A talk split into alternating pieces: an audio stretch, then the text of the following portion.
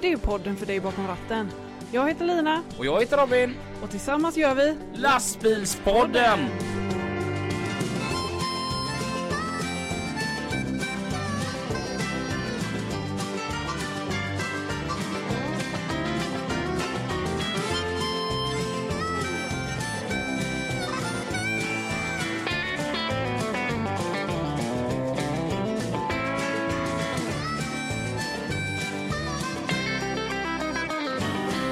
Så underbart det är att vara här igen. Varmt välkommen till ett nytt avsnitt utav Lastbilspodden Tillsammans med Lina. och Robin. Hur är det med dig? Det är bara bra. Mm. Hur är det själv? Det är jättebra. Ja, Mm. Vad har du haft för dig? eh, i Ja. veckan. Ja. Vi har varit på julbord ja. mm. Med... med autofrakt i mark. Det var trevligt. Det var Vi jättetrevligt. var på Blommigt och prickigt. Ja, och det, det, låg eh, typ i Hyssna ja, ja, det låg någonstans långt bort Mitt var snöigt. och jättevackert. Ja. Och fruktansvärt god mat. Och så den amerikanska balkongen, de, eller verandan de hade på Ja. utsidan, man blev ju gött avundsjuk på den. verkligen. Men maten var ju fantastisk. Mm. Så ett riktigt stort tack till Robin Mm. med personal för att vi fick lov att komma. Mm. Igår så var jag ute med assistanskåren i Kungälv Mm. och jag fick ju gå på scenkväll med morgongänget på Kaj 78. Ja, Alltså wow, vilken show! är det något du rekommenderar? Ja, eh, jag pratade med eh, Pippi eh, som kör trafiken här hos oss. Han eh, ingår ju i morgongänget. Mm. Och vi ringde och pratade med honom alldeles innan vi kom hit. Och jag sa det att alltså den här showen den var ju inte bra. Den var ju för jävla bra! eh, och då sa han att det finns biljetter kvar. Ja. Så att kajskolotta.se den kan jag varmt rekommendera. 26 år med morgongänget. Mm. Riktigt kul att kolla på den. Mm. Ehm, det har ju varit Spotify Wrapped. Ja. Det är alltså Spotifys årskrönika. Har de det varje år eller? Ja, Ja, för jag, det är typ första gången jag ser det. någonting som var extremt pinsamt för mig. Jag, jag fick upp vilken som var min mest lyssnade låt. Ja. Och det var ju Solsken med Mange. Eh, min kompis som jag gör Viktresan ihop med. Mm. Så jag gör ju då alltså en screenshot, lägger upp den här på Snapchat story. Mm. Bara att den här lyssnar jag på, var den mest lyssnade under året och det här är jag glad över. Mm. Ja. Och så har det så här fem minuter. Mm. Så typ snyggaste bruden på hela Snapchat liksom. Hon lägger ut en story bara.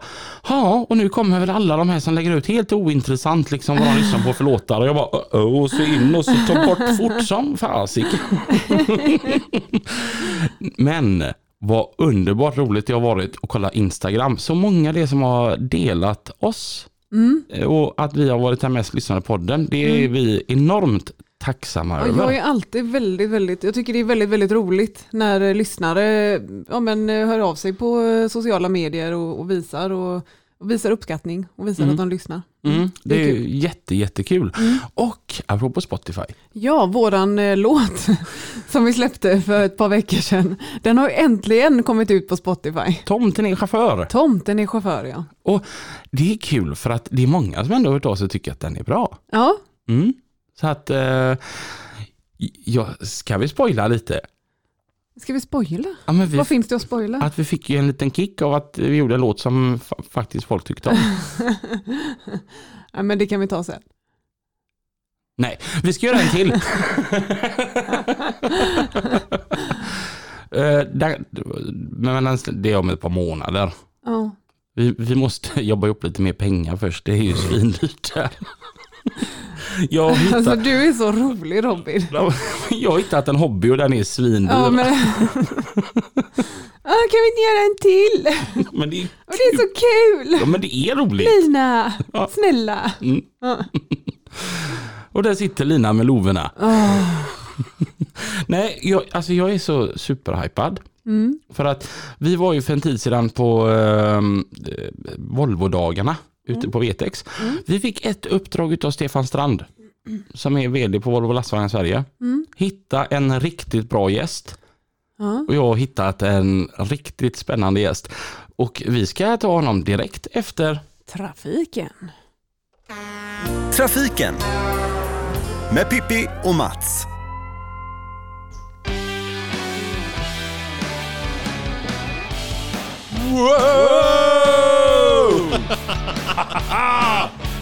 Ja, vad gott Mats. Härligt Men. att se dig igen. Är det gott? Det är underbart. En hel vecka sedan vi träffades sist. Ja, nu sitter vi här och pratar nu igen om saker du- vi brinner för. Jag sa ju det sist här, då, vi, då fick vi att smaka på Lillemors eh, goda pepparkakor.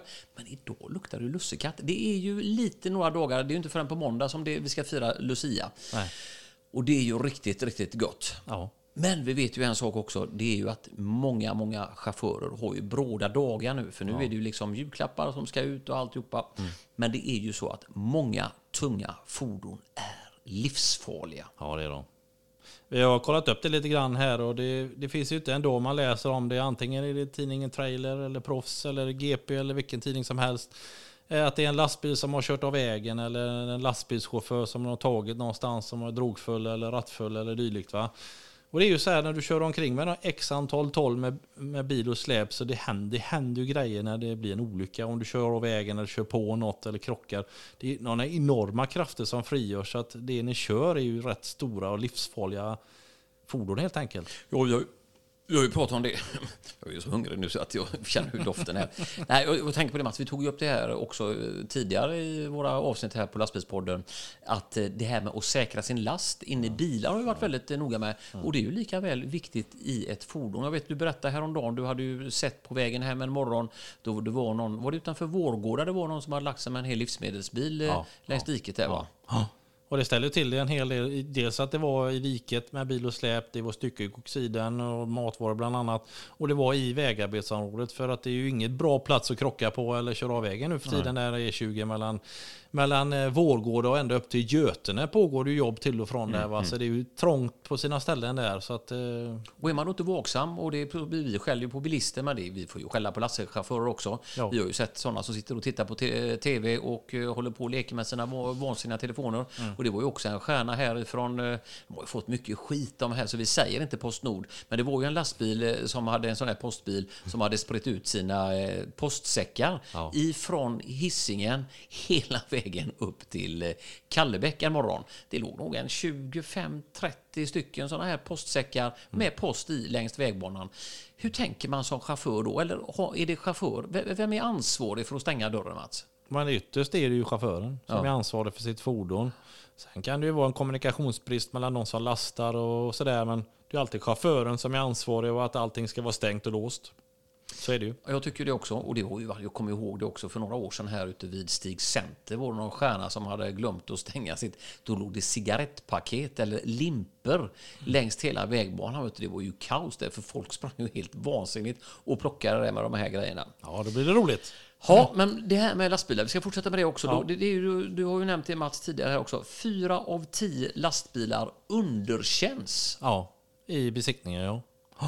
Och det är ju allvarligt alltså att det är så mycket brister i på är ju våra, alltså våra svenska lastbilar helt enkelt då som underkänns i besiktningen då. Och det talar ju om bara problematiken med att har vi inte tid eller pengar nog att laga och fixa till våra fordon utan de måste rull- rulla till varje pris, då är det ett problem till slut va. Då är ju, då har ju det blivit eh, ett, ett, ett samhällsproblem helt enkelt att våra lastbilar eh, kör, det är väldigt x antal eh, hundratals lastbilar då som kör omkring med brister på fordonen som kan vara mer eller mindre allvarliga då och som, som kan vara potentiella då, eh, risker för trafiken helt enkelt olyckor då. Så att det är allvarligt men det är bra, det är tur vi har besiktningar som kan påverka eller påpeka då för lastbilschauffören och åkerierna att de har fel på fordonen då. Att, Men, men har det blivit så tufft ute? Jag tänker som eh, fiskarna har ju haft det här med fiskeris, eh, fiskevårdsnämnden. Svårt för sådana här ord Mats alltså. Fiskeriverket som är ute och kontrollerar med last och allt sånt där på, och är på dem som iglar. Det är ju böter om man tar upp en makrill för mycket och hela berätten. Är det ungefär likadant för eh, transportgänget eller? Ja, det beror ju på då. Men klart om de stannas av eh, tunga gruppen eller polisen eller någon sån där bilinspektör eller vilka nu det är som stannar dem så gör de en flygande inspektion på lastbilen och det har ju Robin pratat om förut och han brukar ju ofta klara sig men det, har du brister på plats så är det klart att de för- förväntar sig att du då ska åtgärda det såklart.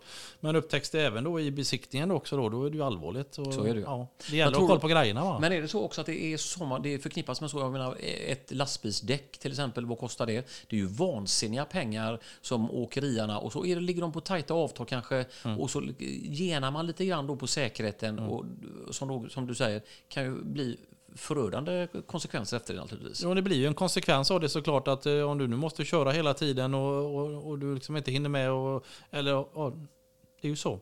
Att Men, men med vad, vad tror du? Vi säger nu Mats, nu har du ett eh, litet åkeri hemma med, med fyra bilar och du är topp och sköter dem alltihopa och så har du då eh, Benny som kör en av bilarna där, en gnällig jävel. Han, han säger du Mats, du får byta de här däcken här nu för att de är, de är inte godkända. Mm. Och så känner du, nej men herregud, det går att köra en liten stund på dem. För det är klart, pengar, det är ju synd och sist hur mycket pengar vi ska tjäna. Alla ska vi tjäna pengar. Eh, Kör inte Benny sin lastbil så får han ju ingen lön. Mm. Nej. Utan eh, så är det ju. Men det är klart som åkeriansvarig så är det ju klart det är ju tuffa beslut alltså. Ja, och inte, nu, inte nog med det. Med tanke på dagens eh, priser på diesel nu som har skjutit i höjden så blir Exakt. marginalen ännu mindre. Så det är klart att någonstans måste de kanske ta igen det för att få alltså hela verksamheten att gå ihop. Det blir tuffare för åkeribranschen idag än vad det var förut. Så det finns ju stor risk att många av dem kanske konkurreras ut av att bränslepriserna är alldeles för höga till exempel. Va? Och då kan det bli så att vi kanske inte byter däcken i tid som vi brukar göra. Nej. Vi måste få igen pengarna någonstans. Ja, och sen samtidigt som priserna blir pressade då att det kommer sådana här oseriösa åkare upp i vårt område också och, och eh, skräcka till det lite grann. Så det blir ju tajt alltså. Och det är ju likadant precis som du säger. Om priserna nu höjs på drivmedel, du har trängselavgifter och du har allt annat med, som ska skötas. Och, och eh, då blir ju priserna, så det är ju slutkunden som får betala det här naturligtvis. Jo, det är, men fram tills dess så pengarna ska ju in. Va? Ja, Om du inte kan få in pengarna så går du omkull. Va? Men en annan grej som jag tänkte ta upp det, det är det här att eh, med tanke på att stressen och pressen ökar för åkeribranschen så är det klart att det sätter ju sina spår då om du, inte får, om du har en, en, en farlig trötthet bland dina chaufförer. För trötthet är ju likadant som att du kör onykter idag.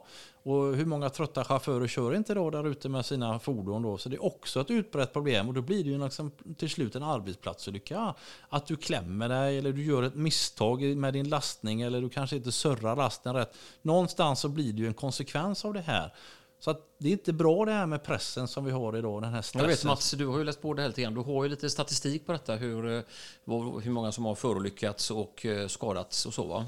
Ja, det är ju så att eh, lastbils och långtradarchaufförer de eh, ligger ganska i topp i statistiken med 66 personer omkomna i arbetsplatsolyckor under perioden här.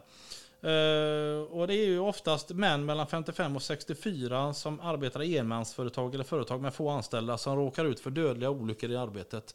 Enligt den statistiken jag lyckades ta fram här. Och det är klart att det, det blir inte lättare och mindre olyckor om pressen ökar. Va? Nej. När marginalerna minskar då, då tar du risker för att överleva helt enkelt och då kanske den pelaren sticker iväg ännu mer. Så är det ju. Och så den här stressen också. Vi ser på en byggnads, byggarbetsplats när de ska komma in med sina fordon och det är truckar och alltihopa. Det är mycket folk i rörelse, det kommer truckar och alltihopa. Och folk, det är ju ett utsatt yrke alltså. Ja, alla som är i dess närhet är också utsatta. Ja. Det är inte bara chauffören. Absolut. Det är de som ska jobba på terminaler också. Som är, om de kan råka ut för saker för att det ska gå så fort som möjligt. Va? Men det är ju så här, samhället vill ju få sina grejer. Vi vill ju ha våra grejer till Ja, men jul. så är det ju. Ja. Och, och, och så tänker man också på det här. Tänk dig så många, eh, nu ser jag bara en te- tepåse här, eh, eller en, en- tepaket här.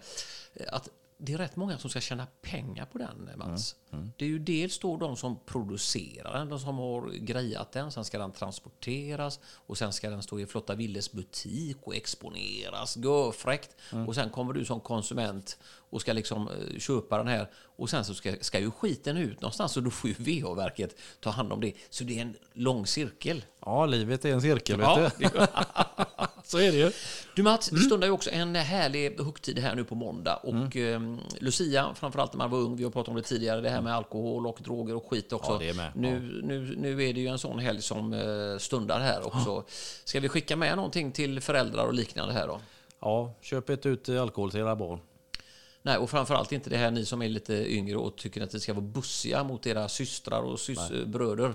Försök att undvika det. Det är alltså inte bra. Och framförallt när man är i den 18-årsåldern och det kan vara lite kul att gå ut och köra bil. Det är inte kul. Vi har ju pratat om det tidigare, vilka enorma konsekvenser det kan få. Ja, det är det. Och alkohol och körning och hör inte hemma. Och inte mobiltelefoner heller och körning. Va? Så att, eh, tänk er för. Kör bara bilen och var nykter. Mycket, mycket bra. Och det säger vi och eh, återkommer en liten stund. Och eh, Lina Robin, eh, fixar ni och syr ni ihop detta? För att nu tänkte vi ta en liten fika, Mats. Ja, det ska vi göra. Och det ser gott ut. Ja, hej på en stund. Hej, hej. hej, hej. det är lite konstigt ändå. Jag tror det är lite för lyssnarna så som det är för oss. Va? Ja, men, alltså, ju mer tid eh, Mats och Pippi får vara i lastbilspodden, ju mer börjar jag tycka om dem. De är inte bara arga, de är ju goa med. Ja, de, kan, de har sina stunder. Och under tiden, vilken fika vi har haft. Alltså det är fruktansvärt. Vi hade ju Alexander här från eh, Wicklight bilupplysningen Purest Mm. för en tid sedan. Och sa att du bjöd ju på den bästa fikan någonsin. Ja. Och, eh, så att i morse så ringde han till mig. Och så sa han det, du, du pratade om den här goda fikan åt för tre år sedan. Mm. Alltså ditt smakminne Robin. Jag kommer ner med fika Robin. så han har varit eh, förbi här med lite go- godsaker. Ja men det var den sjukt godaste bullen jag har ätit tror jag. Eva. Det, ja, den var liksom smörig. Den är så snudd på hemma. Ja, herregud. Idag så är det en ära för oss att säga varmt välkommen till Hans Nilsson. Hej. Hej! Hej. Och där jobbar du. Alltså det där råder lite delade meningar om, men där är jag på dagarna. V- vad har du för position på flygfrakt? Du, jag är eh, vd Mm. på Flygfrakt och eh, delägare då. Mm.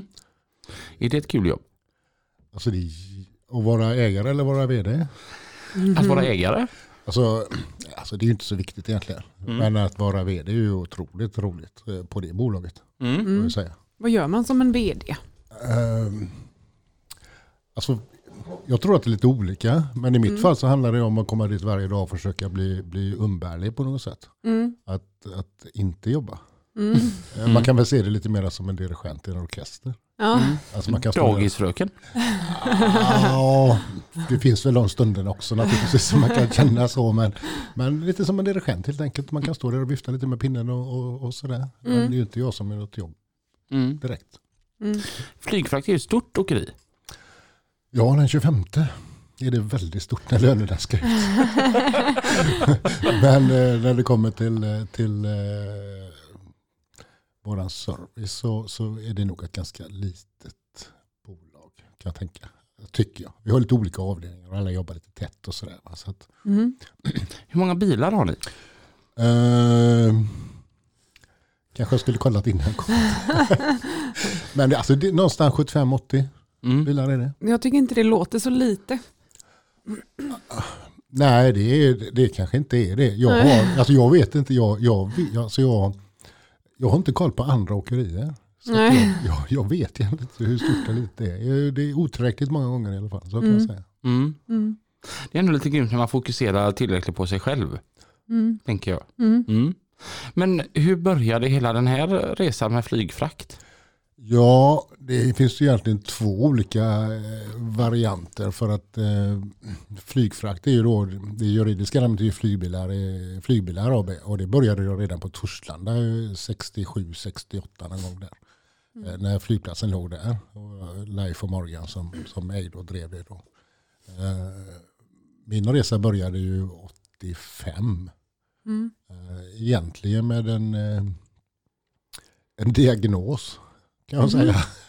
jag, jag, körde, jag, jag har kört lite som dräng på flyget men, men eh, jobbade även på Karl-Erik Johanssons åkeri och körde tankbil där. Men så fick jag lite ont i ryggen och försökte att komma till rätta med det där och det, det, det funkar inget bra. Så visade det sig att jag hade en reumatisk sjukdom då. Bestrev som det hette på den tiden. AS heter det väl idag. Eh, Och då frågade jag läkaren där hur kommer mitt eh, liv att se ut när jag är 40. Bara för att jag var 23-24 år då. Ja, ingen aning. Alltså, antingen så kan du vara som du är idag eller så kan du liksom vara helt ihopväxt och sådär. Så då, Ja. då satte jag mig i bilen och så tog jag rakt ut till, till, eh, till Karl-Erik där och så sa jag upp mig och så startade jag eget. Mhm. Mm. Det var så det började på något sätt. Va? Och sen så har man ju harvat på. Då köpte jag en bil. Och så harvade, vi, harvade jag på lite där och så lite anställda som, jag, som hjälpte till och haft ett mål i livet egentligen. Och det var att få så mycket att göra att jag kunde anställa en person så att jag kunde ha semester. För det hade jag inte haft på nio år Ja. innan. Va? Så, att, så på den vägen är det. Sen 94 så fick jag, 94 då hade jag liksom lyckats att sparka igång så vi hade ungefär en 20 bilar. Mm. Och eh, 94 fick vi då förvärva flygbilar. Då fanns de också på Landvetter. Mhm. Och eh, då fick vi 40 bilar över en natt. Mm. Så ja, det var också en upplevelse. Ja, jobbig omställning. Alltså ja, det är klart att det är. Mm. Men eh, jag har ju så många andra åkare, jag har ju inga studieskulder om du förstår. Mm. Alltså, att man får ju ta det lite och lära sig lite på volley och sådär. Ja. Och jag tänker så här flygfrakt. Det, bara namnet säger egentligen vad man kör men så tänker jag som så här flygfrakt går ju med flygplan och det här är ju lastbilar. Ja, men alltså det är svårt att landa på Drottninggatan. så att det måste ju till och från flygplatsen. Mm. Eh, och det är ju vår huvudsyssla men sen har vi ju flera andra ben att stå på också. Vi har ju motortransporter och vi har ju Mm. ja, lite, lite annat sånt här. Mm. Mm. Så att men är, är ni om man säger flygbolagens förlängda arm då? Nej, vi är nog snarare speditörernas förlängda arm. Okej. Så att det som ligger i våran eh, kundkorg det är ju egentligen alla stora internationella globala bolag som skänker och DHL och Kinnenagel och, Ja. och allihopa. Vi har liksom bara tagit hand om den nischen då som eh, finns i den, deras divisioner overseas. Mm. Så att det är då det som ska med flyget. Mm. Och det är ju lite speciellt att köra för flyget. För det är ju som att göra en flygresa varje gång. Det ställs Ja. ju jättestora krav på våra förare. Och det, registerkontroll är ju bara den lilla delen. Ja, ja, ja. De kör ut med, med bilarna på flygplatsen då. Nej, mera det att du hämtar, du hämtar och lämnar gods eh, som, så, och framförallt hämta gods på exporten då, som ska ombord på flygplan. Ja, Och då är det precis som när du ska checka in ditt gods. ja, fast vi börjar ju lite längre ut då. Och så hos kunden som kan vara en känd avsändare och så ska det Mm. lastas ombord och då, då ställer det speciella krav på oss som, Mm. som både bolag och, och på våra förare. Då. Mm. Det var jag med om en gång. Jag hade kört lite halvgalet och så var det en sån här speditör då som kör ut flyggods. Och så frågade jag om jag kunde få lov att komma in där och vända. Men det fick inte jag för att det var flygplats. ja. Jag bara, det kan inte landa något flygplan här. Men då så, pratade man om att det var så fort alltihopa gick där. Men för att få en obruten kedja eller vad det är ja. så är det flygplatsklassat. Okej. Fast Ja. det var inga flygplan som kunde komma dit. Nej. Utan då kommer de till Arlanda och så gick de på jättestor lastbil dit och så sedan dis- ut distribution då. Så då fick Ja. man inte lov att komma in där. Alltså väldigt mycket av flyggodset som, som eh, finns här i Sverige, det går ju med trailers Mm. till och från flygplatsen. Det Mm. finns ju inte så många renodlade fraktkärror kvar här, Göteborg i alla fall. Mm. Mm. Utan det mesta flyggodset ligger ju i Berlin, alltså på passagerarplanen. Alltså, Ja, jättemycket gods eh, åker ju där. Det är också därför det är så hög säkerhet. Och också det ställs sådana otroliga krav på både bolaget och framförallt våra chaufförer. Då. men hur lossar man ett flygplan? Det Från vad? Nej men, alltså, eh, sänker den ner någonting? Eller kör man ombord med truck? Eller? Nej, man har ju någonting som man kallar för high loaders. Alltså man, man kör fram en stor eh, rullbana som, som eh, lyftbord helt enkelt. Mm. Och kör ut flygcontainern på det då. Okej. Det är ju nästan inget som är löslastat utan den ligger ju i containers. Mm. Okej. Som är speciellt anpassad liksom för flygplanskroppen då. Så det är ju inte en, Mm. en 40-fotare man drar på det precis. Mm. Ja, och vi är ju inte så involverade just i den delen. Alltså det handlar om det på landside. Va? Utan Mm. det är ju på, eller på airside menar jag. Utan det är på landside som vi, som vi opererar. Mm. Mm. Jag är det svårt? Jag tänker att volymerna måste ju vara både uppåt och neråt. Och... Alltså ja, det är klart att det är svårt att anpassa flottan utefter dagsbehovet. Så, så är det ju. Va? Mm. Eh, nu är vi väldigt uh, lyckligt lottade för att vi jobbar ju även ihop med, med integrators. Eh, typ Fedex, DHL Express, UPS. Och, och när speditörsgodset är lite mindre, ja, då brukar de volymerna hamna på dem istället. Då. Mm. Så att för oss blir det en ganska så jämn belastning ändå som Mm. åkeri. Mm. Jag tänker på, uppe på Landvetter flygplats här så landar det plan hela, hela tiden. Och nu ska jag inte säga några siffror för jag kom- kommer inte ihåg det men jag, jag var uppe och lämnade hyrbilar här nu mitt under pandemin och då sa han så här något i stil med att det brukar landa som 20 plan i timmen och idag har det kommit fem totalt. Mm. Och då tänker jag, blev ni väldigt drabbade då utav pandemin? Ja, Det får man ju säga.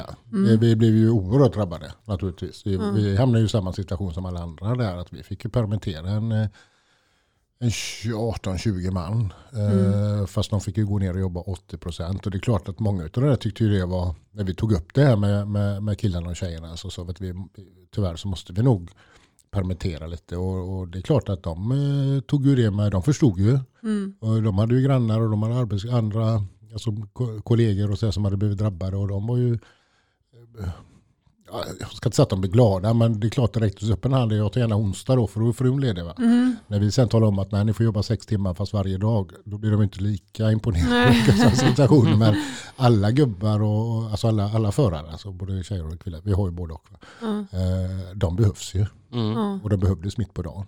Eh, Så det var, men de gjorde ett jättejobb. Alltså jag är otroligt tacksam för dem. De ställde upp eh, jäkligt bra. Alltså. Det gör de alltid. Men, men det blir ju en ovanlig situation naturligtvis. va. Det är Mycket rädsla, mycket sådär, hur ska det gå? Ja, för det var ju liksom en kort stund där som allting var väldigt, väldigt osäkert. Ja, absolut. Men det återhämtade sig ändå ganska så snabbt. Ja, eller? ja det, det, det, det gjorde det. Ja. det. Det gjorde det. Och som sagt var, eh, de här, eh, alltså passagerarplanen gick ju inte. Men, men eh, fraktkärrorna, alltså det som kommer från Asien och det som kommer från USA, och så, alltså de landade ju nere i Europa, alltså rena fraktkärror. Och sen kom ju det godset med, med trailers upp då. Sen var det klart att det var inte alla som fick komma in i landet. Jag, jag tänker som så här att det, den värsta pandemin är över. Nu har vi det där omikron, vi vet inte vart det tar vägen med detta. Men om du ändå så här blickar tillbaka här nu, hur, hur det har sett ut, hur det har varit, vad, du, vad bär du själv med dig som företagsledare? Ja, du menar för just den här pandemin? Mm.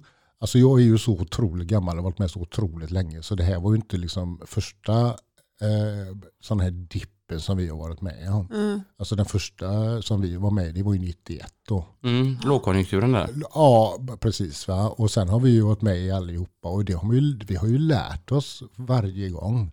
Så att jag får väl säga att det här, den här gången, alltså jag blev inte ens nervös. Okej, ja. Nej, inte på något sätt. va. För att eh, det handlar ju inte om vad du, vad du gör när det kommer. Utan det handlar ju om vad du har gjort innan det kommer och hur beredd du är. Vi, vi, stod ju, alltså vi är ju beredda varje dag på att det ska komma en sån här grej. Så det här var inget som... Eh, vi vet ju att det händer. Jag tänker då när krisen var 91, 92 där då, det var räntor på upp mot 25, 26, nästan 30 procent. Kan du tycka att den var mycket värre än vad pandemin var? För mig var den värre eftersom jag inte hade någon som helst erfarenhet. Hade bara varit igång i några år. Hade kanske en 8-10 bilar. Eh, det, det, ja, den, var, den, den, den var värre. Mm. Eh, och sen då den här 2003 eh, var- var ju fruktansvärd. Okej. Eh, och 2008, alltså för varje sån här lågkonjunktur som har varit så har vi tagit, ja men vad var det vi behövde ha? Så vi har ju blivit, eh, eh, alltså vi försöker att, att hålla kapitalet i bolaget. Vi, varken Jim eller jag är ju liksom någon sån här Pelle Päron som springer nere på Lippo och smätter mynt på servitriserna med guldkortet. va, Utan, utan vi åker ju hem till, till våra familjer och, och, och vi, eh, vi lever ett vanligt liv och vi, vi kör inte liksom eh, flotta bilar eller eh, sånt där. Utan vi, vi ser till att vi, vi, vi har ett ansvar. Alltså vi har ett jätteansvar för vår personal. Det var en som sa till mig en gång att om man var egenföretagare, gick in i krisen 91-92 och gick ur den och fortfarande liksom stod på benen så kan man inte gå i konkurs. Nej.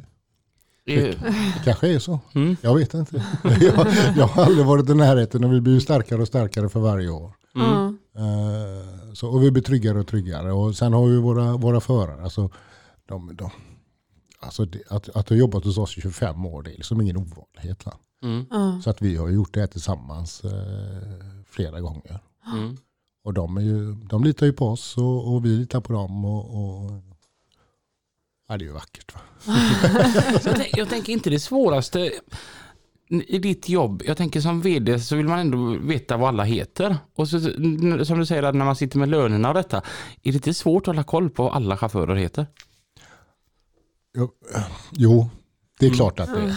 Och för mig är det jättesvårt som kanske som, som jobbar ute en devis på något sätt att jag ska inte göra jobbet utan det ska, alltså jag ska ju delegera så mycket jag bara orkar. Och det är klart att då, då hamnar man ju inte direkt i, i knät på en, på en av förarna.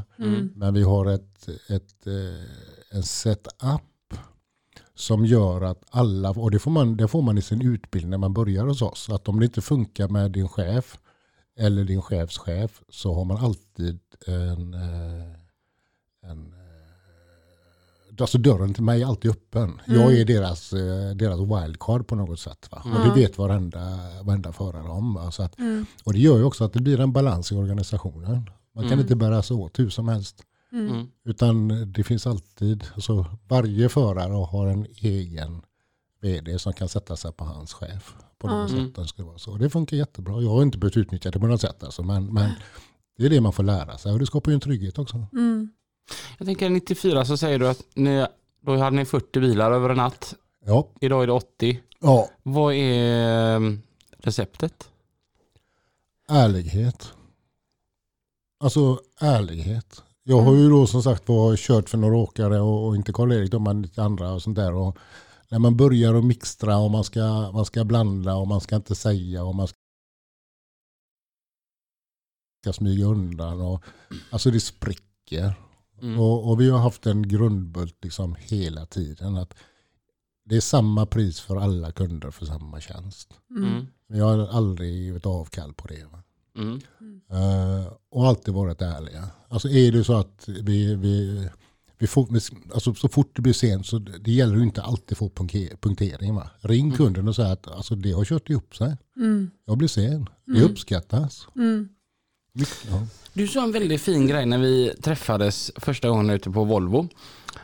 Att om en kund ringer till dig, en, en ny kund som aldrig åkt med flygfrakt innan. Ja. Och så, bara, och så får du bara frågan, vad kostar det att frakta ett paket från A till B?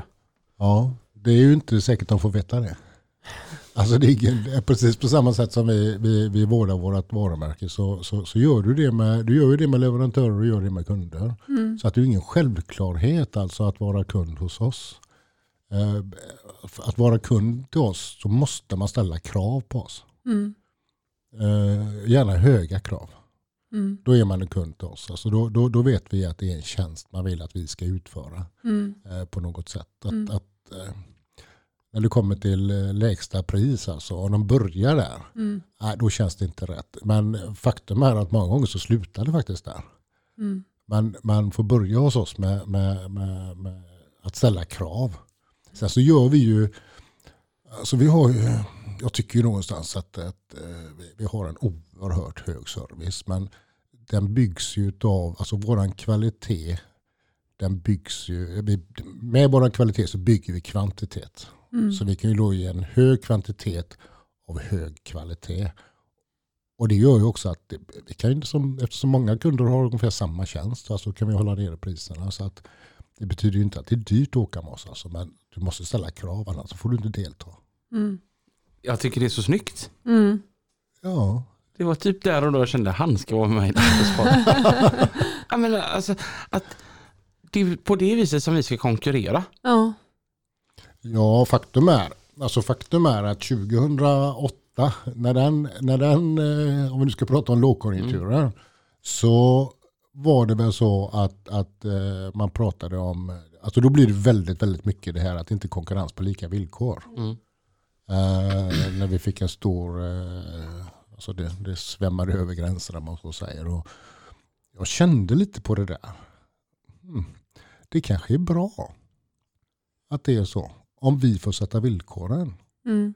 Så det var där vi, där och då som, som vi liksom tog ett redigt, redigt eh, grabbatag om att höja våran service till en nivå som de inte kunde komma med på. Mm. Mm.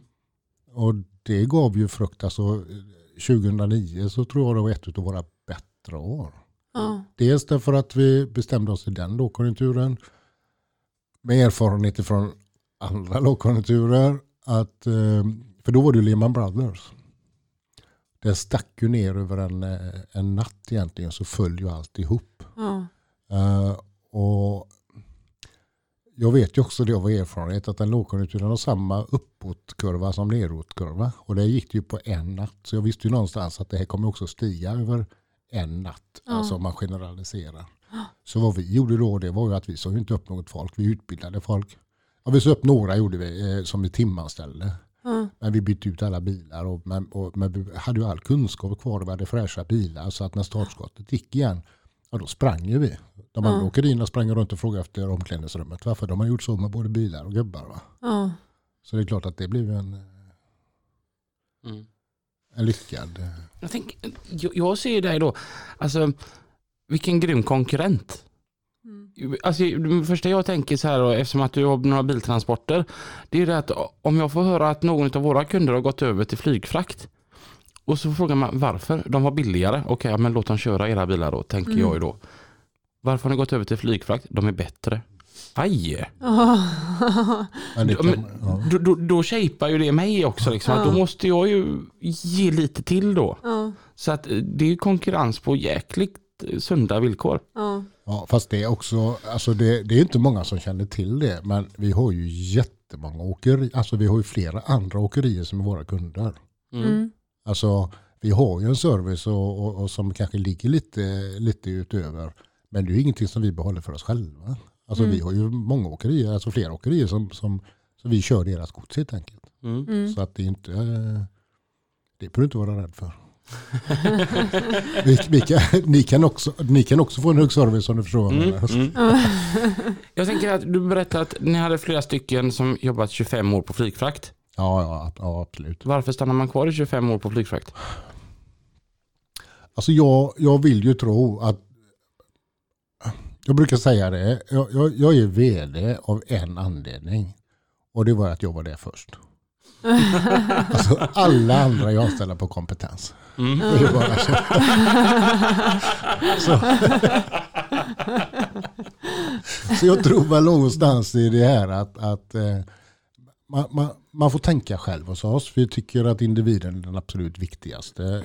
Men Man pratar om hållbarhet och, och sådär. Mm. Men alltså, allting går ju att byta ut egentligen utan liksom kunskapen som finns hos föraren. Mm. Och att vi, vi, vi försöker att, att, att förmedla det, att vi, vi, vi uppskattar den på något sätt. Mm. Eh, Så jag tror det är därför eh, man är kvar helt enkelt. Men, och lönen kommer den 25. Mm. Och det, det, det är inte, Och den stämmer också kanske? och, den, och den stämmer också ja, för att jag har en fantastisk ekonomiavdelning att, som håller koll på det där. Va? Så att, så att eh, jo men så är det. Mm. Så är det absolut. Va? Men det är inte så vanligt som man tror att lönen kommer den 25. Det finns många som ah, kunden har inte betalat och kan du få den 27 istället. Och, Ja, och, och sådär, va? Eh, Men det har vi alltid, alltså även om vi har haft jäkligt tufft, för det har vi haft naturligtvis i- Mm. genom åren. Men eh, jag vet ju 2003, då satt jag och min gamla ekonomichef på kvällarna där och, och, och Alltså vi hade ju inga pengar. Det var ju tomt på kontot. Vi fick ut lönerna, det var det som gällde. Men, men, eh, men hon och jag, vi kunde inte ta någon lön överhuvudtaget. Och sen så fick man ju ringa runt till sina, sina speditörer och, och kunder och fråga dem om eh, de kunde tänka sig att betala in eh, faktura lite tidigare. Mm. Vilken faktura? Ja men den är på väg. Bara så de var beredda på den. Och sen likadant att vi ringde leverantören och talade om att nu har vi ett nytt system. Mm. Eh, Vi tar eh, fakturan och lägger i en hatt och så drar vi och, och den som vi får upp det är den vi betalar. Va? Och då frågar de, "Ja, hur går det för min då? Det var det jag vill prata om, du ligger inte i hatten ännu. Men, men, det handlar ju hela tiden om kommunikation. Ja. Det är det det handlar om. Så prata med varandra och, och, och, och vara ärlig. Som sagt var. Det, är, det, alltså det är ledordet på något sätt. Va? Mm. Börja inte trixa med massa grejer. Jag, jag menar, jag vet ju åkare som inte kunde betala ut löner till sina förare och så står det en ny Dodge Ram på gården. Va? Mm. Och så är det någonting, ja men du vet kunder betalar inte i tid, va? då kan du vänta lite. Ja, men okej, hur, prior- hur prioriterar du? Ja. Jag tänker ändå lite där, du, du pratar lite som att motgångarna gör ju dig starkare.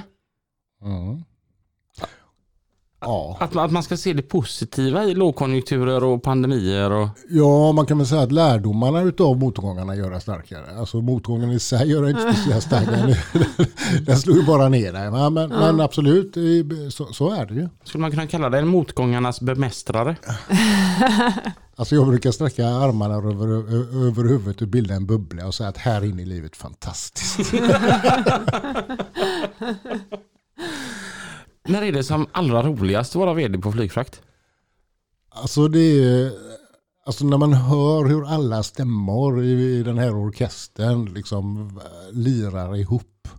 Och, och, och när man hör, när man känner den här kulturen som man har byggt upp, för det är ju det det handlar om. Ja. Det handlar om att bygga en kultur, alltså företagskultur. Va? Och när man, när man, eh, när man känner liksom det, man inte kan ta på det. Va? Mm. Man, man, man hör liksom förare prata med samma språk som jag gör ibland. Mm. Och, och, alltså det, det, ja, det, är, det är ljuvligt. Va? Mm. Det är alltid roligt att vara vd på flygfrakt. Mm.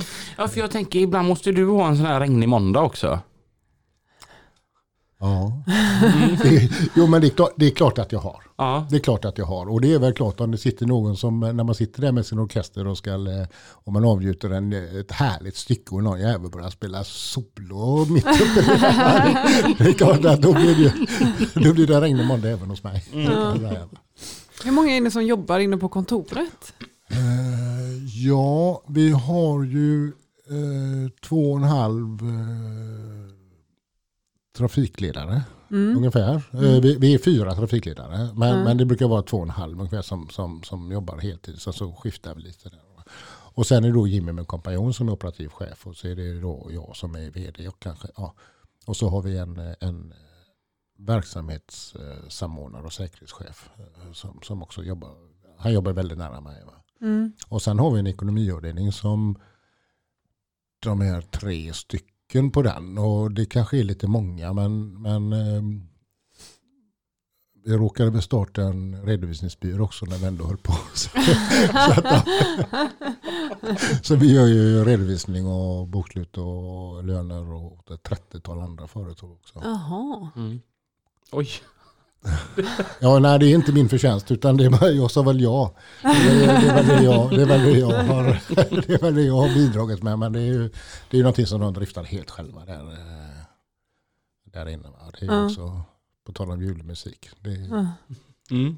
ja men eh, alltså det blir ju det. Ja, alltså vi har en, eh, våra kommuner, den är ju, den är ju överkvalificerad för att vara ett åkeri. Ja. Naturligtvis. Men den är ju, eh, den är ju, alltså det funkar ju jäkligt bra. Va? Ja. Och de hittar ju liksom pengar till sina egna löner någon annanstans än i min ficka. alltså det är ju, De, de borde ju ha dina. Ja. jag också rekommenderar. Vet du. Men det driver vi ett annat bolag. Mm. Mm. Och, och sen så har du en skola också. På tal om ett annat bolag. jo, eh, så är det ju. Eh, Vi har ju det här Hejans utvecklings AB också då. Eh, Och där, eh, där, där köpte vi en skola för några år sedan. Hur kommer det sig att det blev just en skola? Därför att den stod tom.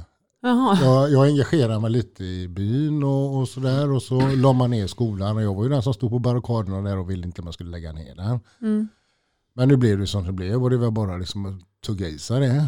Eh, Och sen stod den tom och då kände jag väl att eh, jag ville nog göra någonting med det där. Mm. Så då eh, skickade vi ett brev till kommunen och pratade med kommunen och fick lov att köpa den. Eh, Och där har vi byggt restaurang som blev klar precis när pandemin öppnade, eller stängde, eller när, pandemin kom. Så den fick vi aldrig öppnat. Vi har lite konferensrum, vi har idrottshall, vi har eh, Euroskur eh, som eh, hyr av oss där. Eh, kontorshotell och, lite sånt där. Och sen driver vi även lite utbildningar där och både ja, i egen regi men även andra som har utbildningar där. Så att nu var det HRL-kurser där uppe, instruktörsutbildningar där nu i ja, förra veckan på något sätt. va. Och vad är det för utbildningar ni bedriver?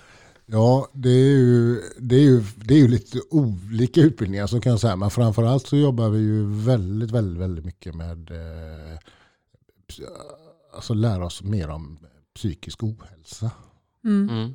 Eh, typiskt åkar, eh, åkarbranschen. Mm. Och det, det, det kom väl sig egentligen av att jag, jag har alltid jobbat mycket med individen. Jag, jag tycker att individen, jag, alltså jag älskar ju relationer. Mm. Eh, och jag tycker liksom det här sambandet och samspelet mellan människor, jag tycker det är fantastiskt. Och sen hade vi väl någon för många år sedan då någon, någon förare, jag såg på honom att han mådde inte riktigt bra. Va? Mm. Så då frågade jag, hur är det? Och då, då, då blir det liksom där, åh det är bra. Mm. Fast ja, det är klart, alltså lite nu fram på våren här, det är ju inte så körigt va, men det är okej va. Och då blir det så, åh skönt. det var skönt att den mådde bra. Nu har jag gjort vad jag ska göra. Och, och, och sen cyklade det några veckor och så blev han sjukskriven då, ett par månader då för att han eh, var på väg in i väggen helt enkelt. Va? Och jag såg det och jag frågade och han sa att han mådde bra nu har jag gjort vad jag ska och sådär. Va? Och jag kände att alltså, det där var inte riktigt bra. För det är ju alltid så när du frågar hur någon mår. Ja, det gäller att svara rätt på svaret. Faktiskt inte hur mår jag va? Nej men precis, det vet jag ju själv när man ligger hemma och liksom har spytt en hel natt, man ligger med feber och någon ringer. Hej hur är läget? Jo men det är bra. Ja, Ja, alltså, för, det, för det är svaret de vill ha. ja. För de vill inte höra De att vill du- inte höra att jag har legat och spytt hela natten. Nej, för då kanske de måste göra något, åka hem till dem med en våt filt eller Ja, precis. Ska jag handla åt det? Ja. Ja. Då slipper man ju det. Ja. Och så är det väl även för oss då. Mm. Och, och jag kände att det var inte okej. Och, och jag började leta lite på, på nätet och fråga runt lite. För jag menar, så fort någon har blivit sjuk då finns det all hjälp att få tag på. Mm. Alltså det finns ju hur mycket hjälp som helst. Mm. Men att lära sig vad som händer innan. Va? Mm. De här beteendeförändringarna som sker. Va? Det, det, det finns ju inget, man vet ju symptomen för när du blivit sjuk. Alltså de här lite vanliga då, med lite ont i nacken och kanske lite sådär. Men Mm. det, kan ju, det kan ju te sig eh, väldigt olika från individ till individ. Och jag hittar ingen. Jag hittar liksom inte någon hjälp att få om det inte var så att du redan var sjuk. Ja. Så då tog jag kontakt med två stycken kommunikologer, eller speciellt en kommunikolog då, eh, Marita Skogum och hennes eh, kollega Lena Karlsson. Sa att jag, jag vill ha hjälp med det här. Du måste, alltså ni måste tala om för mig hur ska, jag, hur ska jag kunna se på en människa eller på en, på en individ när det börjar hända någonting. Mm. Och, då, då, och så lyssnade jag runt lite med kollegor i branschen och så här, det fanns ju ingen som med sånt. Va? Alltså var det någon chaufför som var lite grinig, han var trött på det. Va? Mm. Men det kan ju ligga helt andra saker bakom. Och det var väl liksom det jag kände att det måste vi ta tag i. Det, det, vi måste förändra. Vi måste förändra oss och framförallt eh, på vårt bolag. Men, men ju mer man pratar med kollegor och sådär när man var ute på sådana här typ träffar som vi träffades på sist. Va? Alltså man har ingen koll. Mm. Alltså man, man, har, sjuk, man har häls, man har företagshälsovård men det är ju inte så det är. Där, va? Så vi, vi, vi drog igång eh, kurser helt enkelt. Mm. Eh, där man får lära sig att identifiera psykisk ohälsa. I alla fall ha lite koll på vad, vad, vad, är, det som, eh, vad är det som händer. Mm. Och jag har ju levt ganska nära psykisk ohälsa egentligen eh, hela livet eh, mer eller mindre. Och, och har väl egentligen stött bort istället. Det är ju mitt sätt att försvara. Va? Man, man, man får nog ta det till sig och, och bejaka det och vara där. Eh, och jag kan ju se jättestora likheter med eh, någon som är ska säga, i riskzonen för att bli alkoholist. Mm. Alltså vi har alla någon kompis som på någon fest som eh, ja men vi ska gå nu, jag ska bara dricka upp den här eller det är sista beställningen och då beställer man två. Va? Eller det där vinglaset, ja men fyll på lite till. Alltså det där, det är ju ingen som är alkoholist men det finns ju en, eh, man, man känner ju någonstans att de är i riskzonen. Mm. Och hur pratar man med dem? Mm. Hur tar du det samtalet med din kompis? Mm. Du vet, de har ju inget problem. Mm. Alltså det som händer där många gånger det är ju att du har en, eh, en kompis mindre. Mm. Mm. För det, det är likadant med, med psykisk ohälsa. Om jag talar om för dig att han, Lina, hur är det egentligen? Mm. Ska jag skita i va? Eller? Ja. Ja men, ja, men det det, Ja. det är ju faktiskt på det sättet. Ja. Och, och därför så lägger vi ner jättestor del på den här kursen Mm. om att föra eller guida det samtalet. Mm. Alltså hur ska jag, alltså hur ska jag prata med... Ja. med Hur ska man med, få ett ärligt svar? hur man ska få ett ärligt svar Ja. och framförallt hur, hur ska man själv kunna komma liksom till insikt. Fasen, jag, det här, jag är nog lite, lite det, det, det här är nog en lite riskzon. Det här får jag nog tänka lite på. Ja. Mm. Eh, ja. Och då är detta kurser då för chefer och arbetsledare då eller? Det är alltså en förutsättning för att du ska kunna tillgodogöra dig liksom din kunskap och få nytta av den så är det ju att du är där. Det har inte så mycket med chef att göra. Men det är klart, chefen tycker jag alltid ska gå därför att man måste faktiskt få man måste få lära sig om att det här finns. Och det här finns hos alla. Och det kan komma hos alla. I alla företag och, och sådär. Eh, och bara för att det inte, alltså du kan ju ha ditt bolag, alltså vi har ju fortfarande alltså, jag säger så, det, det, hos oss finns det ju också folk som inte alltid mår bra. Men det är ju du som arbetsgivare som försöker hålla lite koll på det där. Va? Även om det sker hemma. För 80% har ingenting med ditt jobb att göra. Mm. Utan det här är ju liksom hos dig själv någon annanstans. Mm. Men det är du som arbetsgivare som har svart i Petter. Mm. Mm. Det är du som ska se till att det blir fixat. Mm. Jag, har- jag kan ju tycka det att de gånger man har mått sämre i livet så är jobbet en tillflyktsort. Mm. Ja. Så det, alltså, det det är huvudet på spiken. Alltså jag, jag kan tycka det många gånger. Alltså, folk som blir sjukskrivna därför att de mår dåligt och så blir de, eh, då ska de vara hemma. Mm. Nej, alltså i två månader. Nej, förbjud dem att åka hem i två månader istället. Ja. Det kanske hade varit en bättre...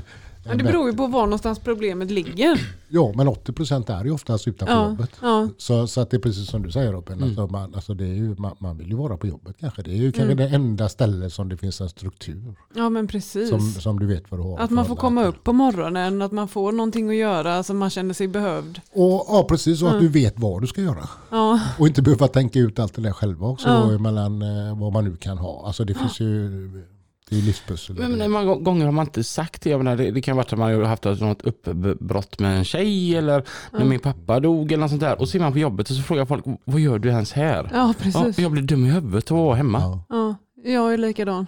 Mm. Ja. Sen, sen, ja, och, och så är det. Och det, det kan ju vara en, att det händer sådana här saker. Det, det är ju då oftast en, eh, alltså det kan vara en trigger till, o- till, psy, till psykisk ohälsa. Men ofta så kanske man inte skiljer, alltså tyvärr har det blivit så idag att man, man skiljer inte riktigt på att vad psykisk ohälsa är eller sorg. Mm. För det är två olika saker. Mm. Och sorg måste vi alla kunna känna på, på ett eller annat sätt utan Mm. att man ska eh, få det som eh, klassas som psykisk ohälsa eller sådär. Mm. För att det, det, det, vi, vi mister folk och, och, och vi mister vänner och, och, och sådär. Va? Så att eh, ja, sorg får vi känna. Mm. Det är Mm. inte psykisk ohälsa. Nej. Men jag förstår precis Mm. vad du menar för att det är samma, det är, det är samma, eh, det kan vara samma känsla. Mm. Mm. Jag tänker det här måste vara en väldigt uppskattad utbildning. Ja, alltså den var, och vi hade ju, alltså vi hade ju Volvos ledning, vi hade ju banker, vi har flera åkerier som har gått den. För man har förstått att du, det är ju så här, det är ju lag också. Mm. Vi får inte glömma det. Mm. Att är det 2019 som det blir lagstadgat att du, du måste jobba med det här eh, systematiskt. Mm. Eh, Men det gör man inte. Nej. Man har ingen aning om det. Man, skickar, man skickar sin personal på någon hälsokontroll. Va? Ja. Men det är ju inte, ja ja, ja men det är ju bra att du vet att hjärtat funkar. Va? Men, Ja. Det, det, alltså, du får inte reda på det. För som sagt var, det gäller att svara rätt på de frågorna. Ja. Mm. Återigen, hur mår du? Ja, jag mår bra. Check på den. Va? Ja. Men, så du måste, de som ska gå utbilda, det är de som är där. Mm. Mm. Det, skyddsombud eller eh, en kollega med intresse. Mm. För det är det det handlar om. Du måste ha intresse för det här. Det är någonting jag vill höja min chef för, för han frågar aldrig hur du mår om han inte är intresserad av svaret. Ja. Nej. Ja, men Han tar aldrig om, om du bara svarar i farten, det är bra. Ja. Utan, ja men hur mår du? Mm. Ja. ja, men det är... Alltså, förarna är den absolut viktigaste resursen vi har. Mm. Eller hur? Mm. Och man måste förvissa sig om att alltså, du servar jäklar med bilen på milen. Mm. Men, men eh, den går ju alltid att ersätta. Mm. Men det som sitter i skallen på en duktig yrkesförare, alltså det tar ju inte, en, ju inte 20 minuter att föra över det. Mm. Mm. Alla erfarenheter som, som man, alltså det, det är jätteviktigt. Mm.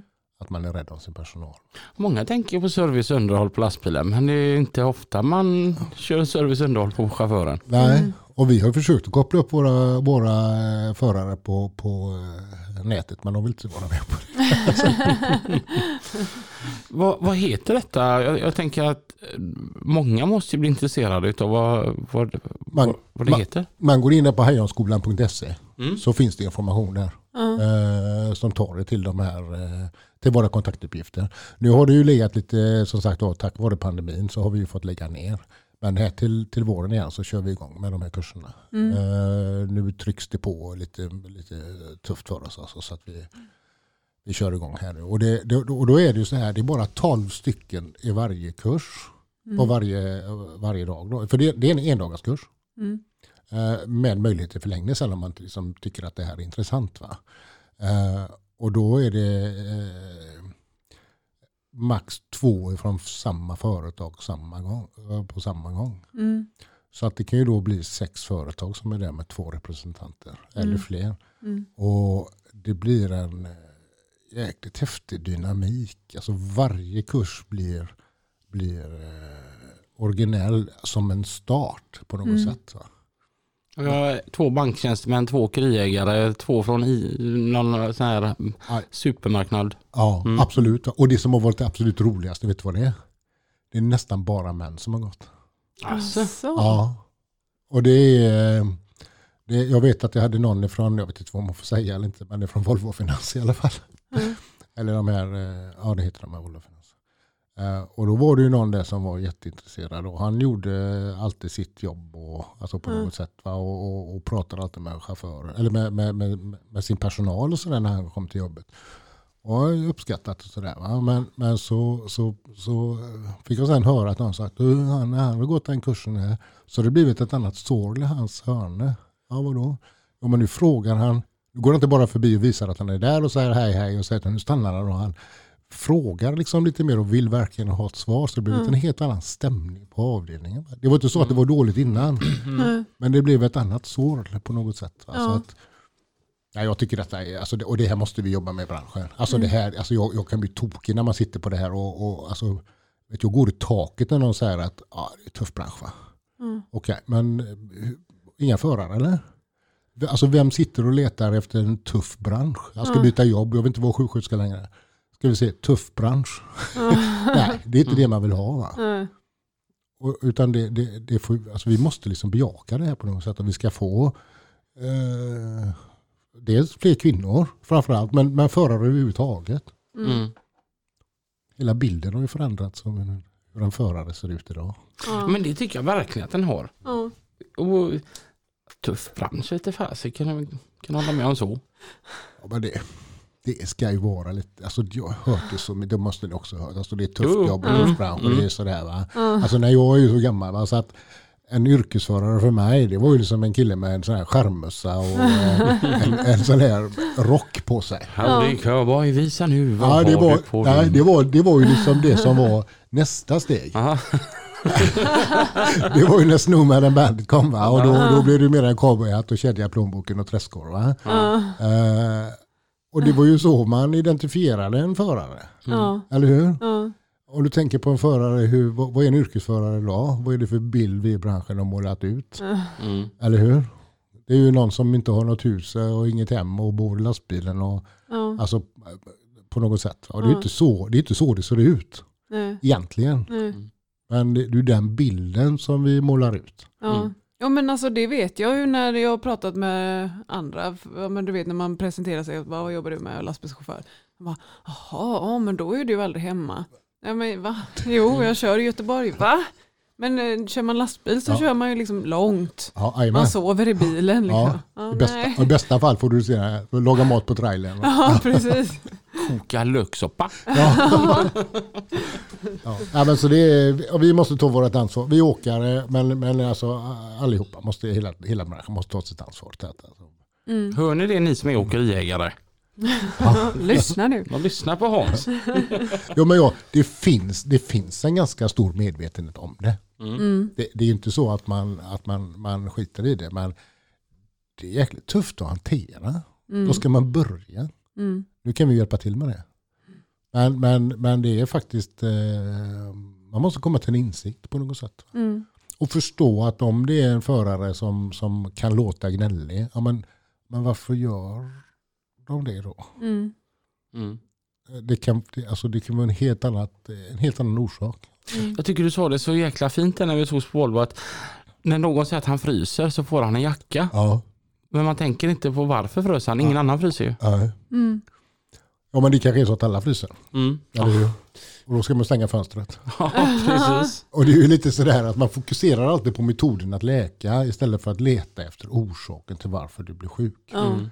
Och det är bara för att det ligger inga pengar i det. Det ligger pengar i tabletter. Ja. Det, ligger, det ligger pengar i metoden att läka. Va? Det lägger man i all forskning. Va? Men Ja.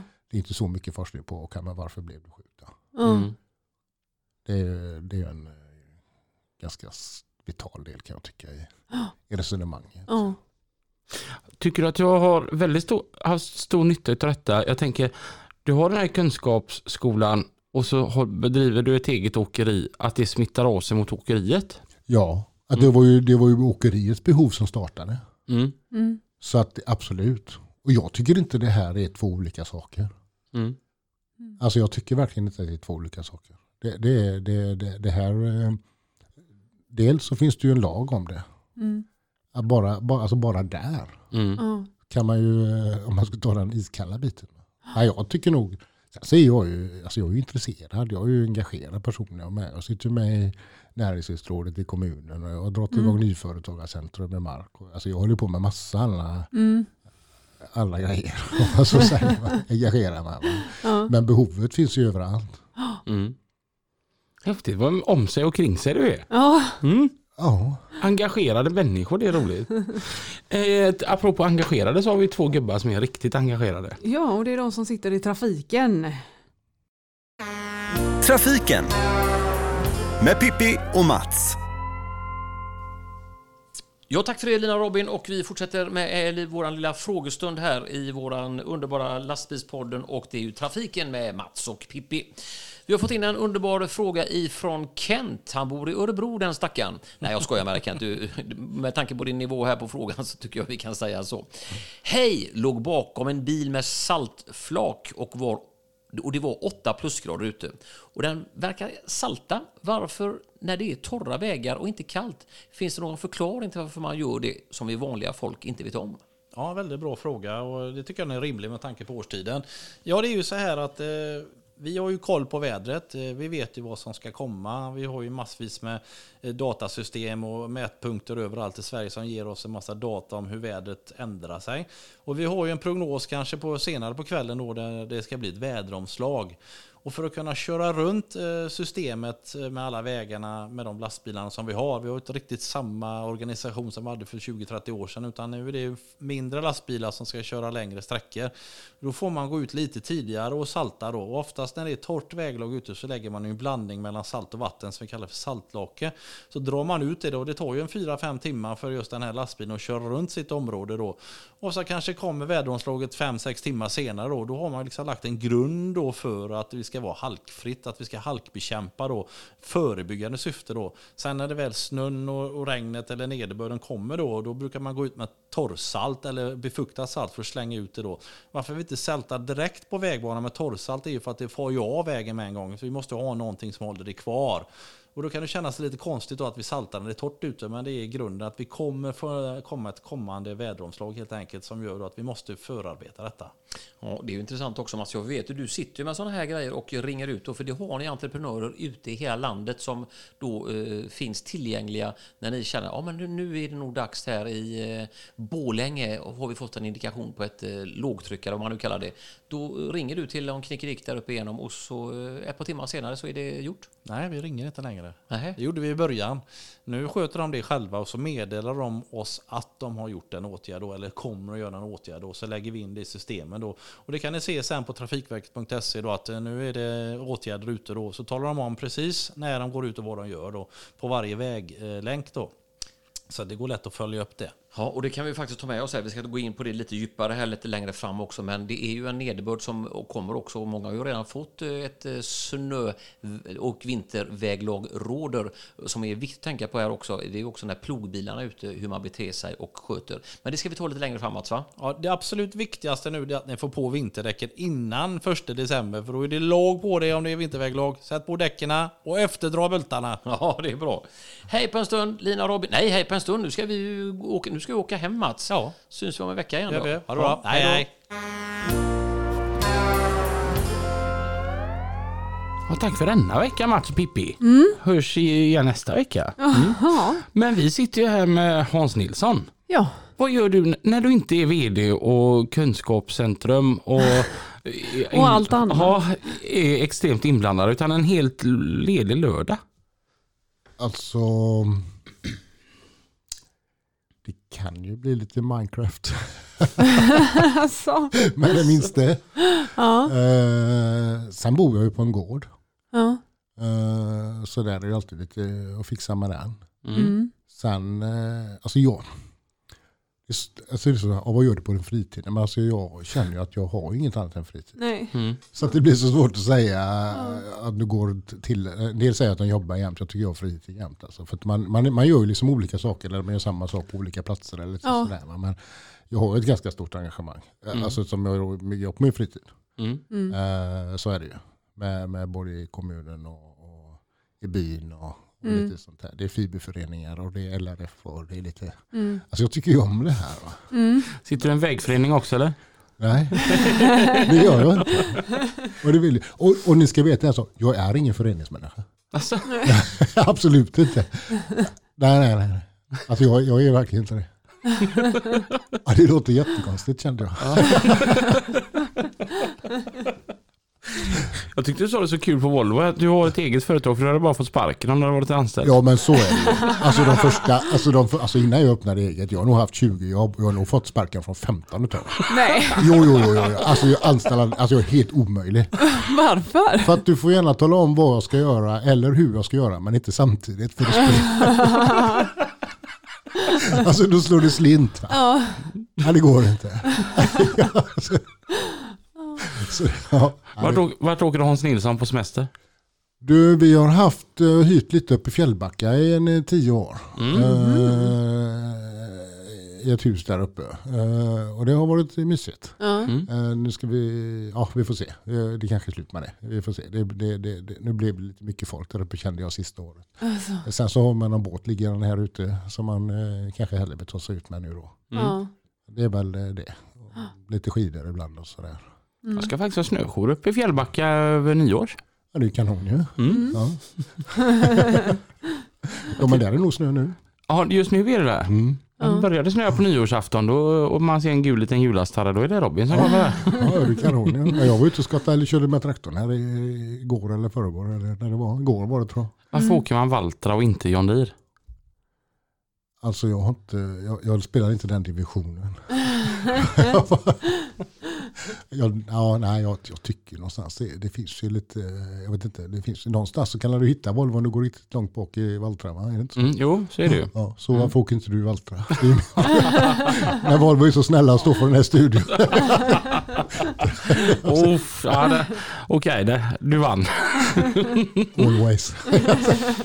Flygfrakt år 2040. Ingen aning. Alltså jag har verkligen ingen aning. För att en, en, ett sätt att arbeta som jag alltid gör, det är, vi har aldrig satt upp några mål.